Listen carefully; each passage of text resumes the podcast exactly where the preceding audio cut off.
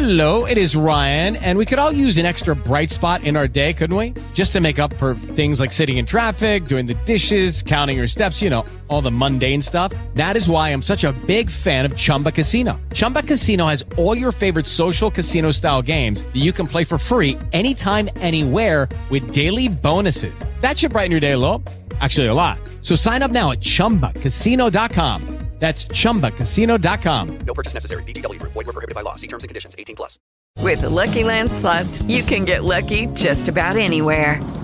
This is your captain speaking. Uh, we've got clear runway and the weather's fine, but we're just going to circle up here a while and uh, get lucky. No, no, nothing like that. It's just these cash prizes add up quick. So I suggest you sit back, keep your tray table upright, and start getting lucky. Play for free at LuckyLandSlots.com. Are you feeling lucky? No purchase necessary. Void where prohibited by law. 18 plus terms and conditions apply. See website for details. Hello, this is Tron, but Tron tells the truth. While I'm reading this, I have my birthday. Yes, I am now 46 years old. That means I'm old. Or like I say, just older than I was last year. This is my second birthday in quarantine, and I think there's a lot of people have the same problem. So, what have I done? What shall I do? What will become of me in the future? What can I gonna be when I finally become an adult? I still don't have a fucking clue. But some people say I shall be milder over the years. No, I'm not. And some people say you shouldn't be that angry. Anger is for the people in their teens or their twenties who have something to be angry about and haven't seen a lot of the world. I do not agree. Many of the same problems still exist. Racism still exists. Environmental problems still exist. Greed still exists. And poverty still exists. And that's that. Those issues and many more issues haven't been solved. Haven't been solved? I'm still angry because this is 2021 and we shouldn't have this shit. I can say a lot of other terms too sexism, equal pay, and etc. etc. etc. The list going on and on and on. Issues I was fighting for when I started politics when I was 17 are unfortunately issues I still have to fight for when I'm 46. And that is really fucking weird.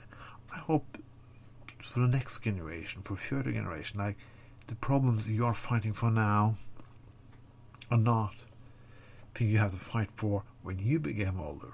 Because that would be fucking shit. But over the years, something has changed. When I was 17, we didn't have gay marriage in Norway. I'm 46, they have. Being gay is much more easier now than it was.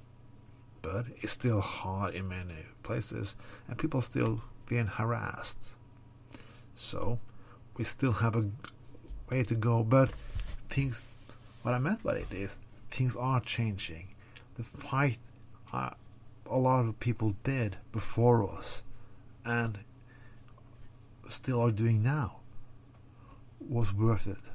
So things can change, things can get better. I don't know what I hope for next year. I hope for more progressive thoughts. I see the Green Party now can be the leading party in Germany. Think about that, huh?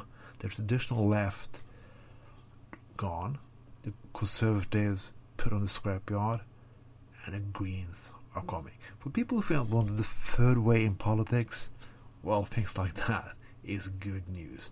They're happening a lot of other places too. This year in September, we have an election in Norway, and the Green Party can be a very strong party.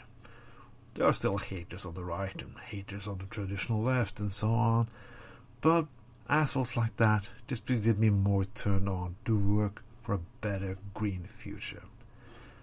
I'm 46 now, but I'm still gonna have this segment for many, many years. I'm still gonna piss people off for many, many years. I'm not dead yet. I'm not halfway there. This was Tron with Tron Tells the News or Tron tells the truth, or Tron tell you a jolly good message. Go have a nice day. Drink beer, get high, and fuck. This was Tron. Have a nice day.